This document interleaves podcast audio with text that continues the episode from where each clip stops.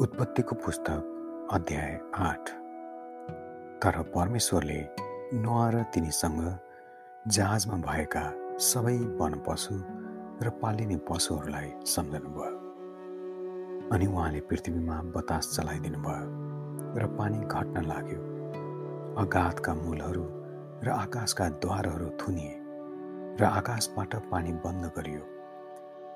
अनि पानी पृथ्वीमा लगातार घट्दै गयो। एक सय पचास दिन बितेपछि पानी घट्यो।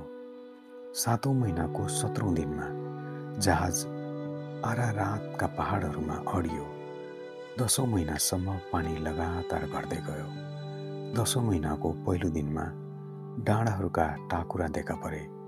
चालिस दिनपछि आफूले बनाएको जहाजको झ्याल नुहाले खोले र एउटा कागलाई उडाइदिए अनि जमिनको पानी नसकुन्जेल त्यो काग यताउता उडिरह्यो।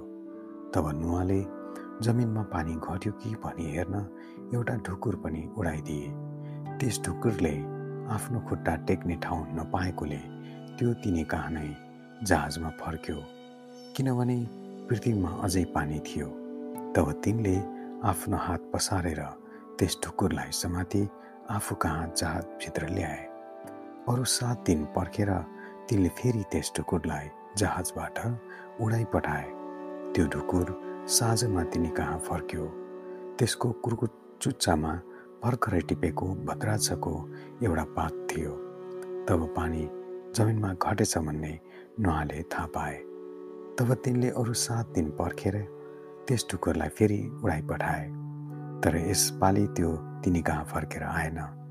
नुहाको छ सय वर्षको पहिलो महिनाको पहिलो दिन पृथ्वीबाट पानी सुक्यो र नुहाले जहाजको छत उघारेर हेरे।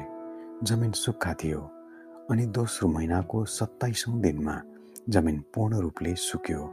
तब परमेश्वरले नुहालाई भन्नुभयो त तेरी पत्नी तेरा छोराहरू र तेरा बुहारीहरू समेत जहाजबाट निस्कि।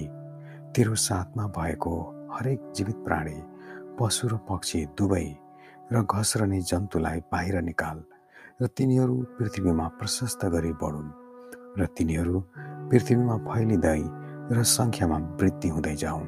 तब नुवा तिनका छोराहरू तिनकी पत्नी तथा बुहारीहरू जहाजबाट निस्केर आए र सबै पशु घसर्ने जन्तु पक्षी र पृथ्वीमा हिडुल गर्ने सबै जीव जन्तुहरू पनि तिनीहरूका जात जात अनुसार जहाजबाट निस्केर आए अनि नुहाले परमेश्वरको निम्ति एउटा विधि बनाएर हरेक शुद्ध पशु र शुद्ध पश्चिम मध्येबाट होम लि होम बढी चढाए।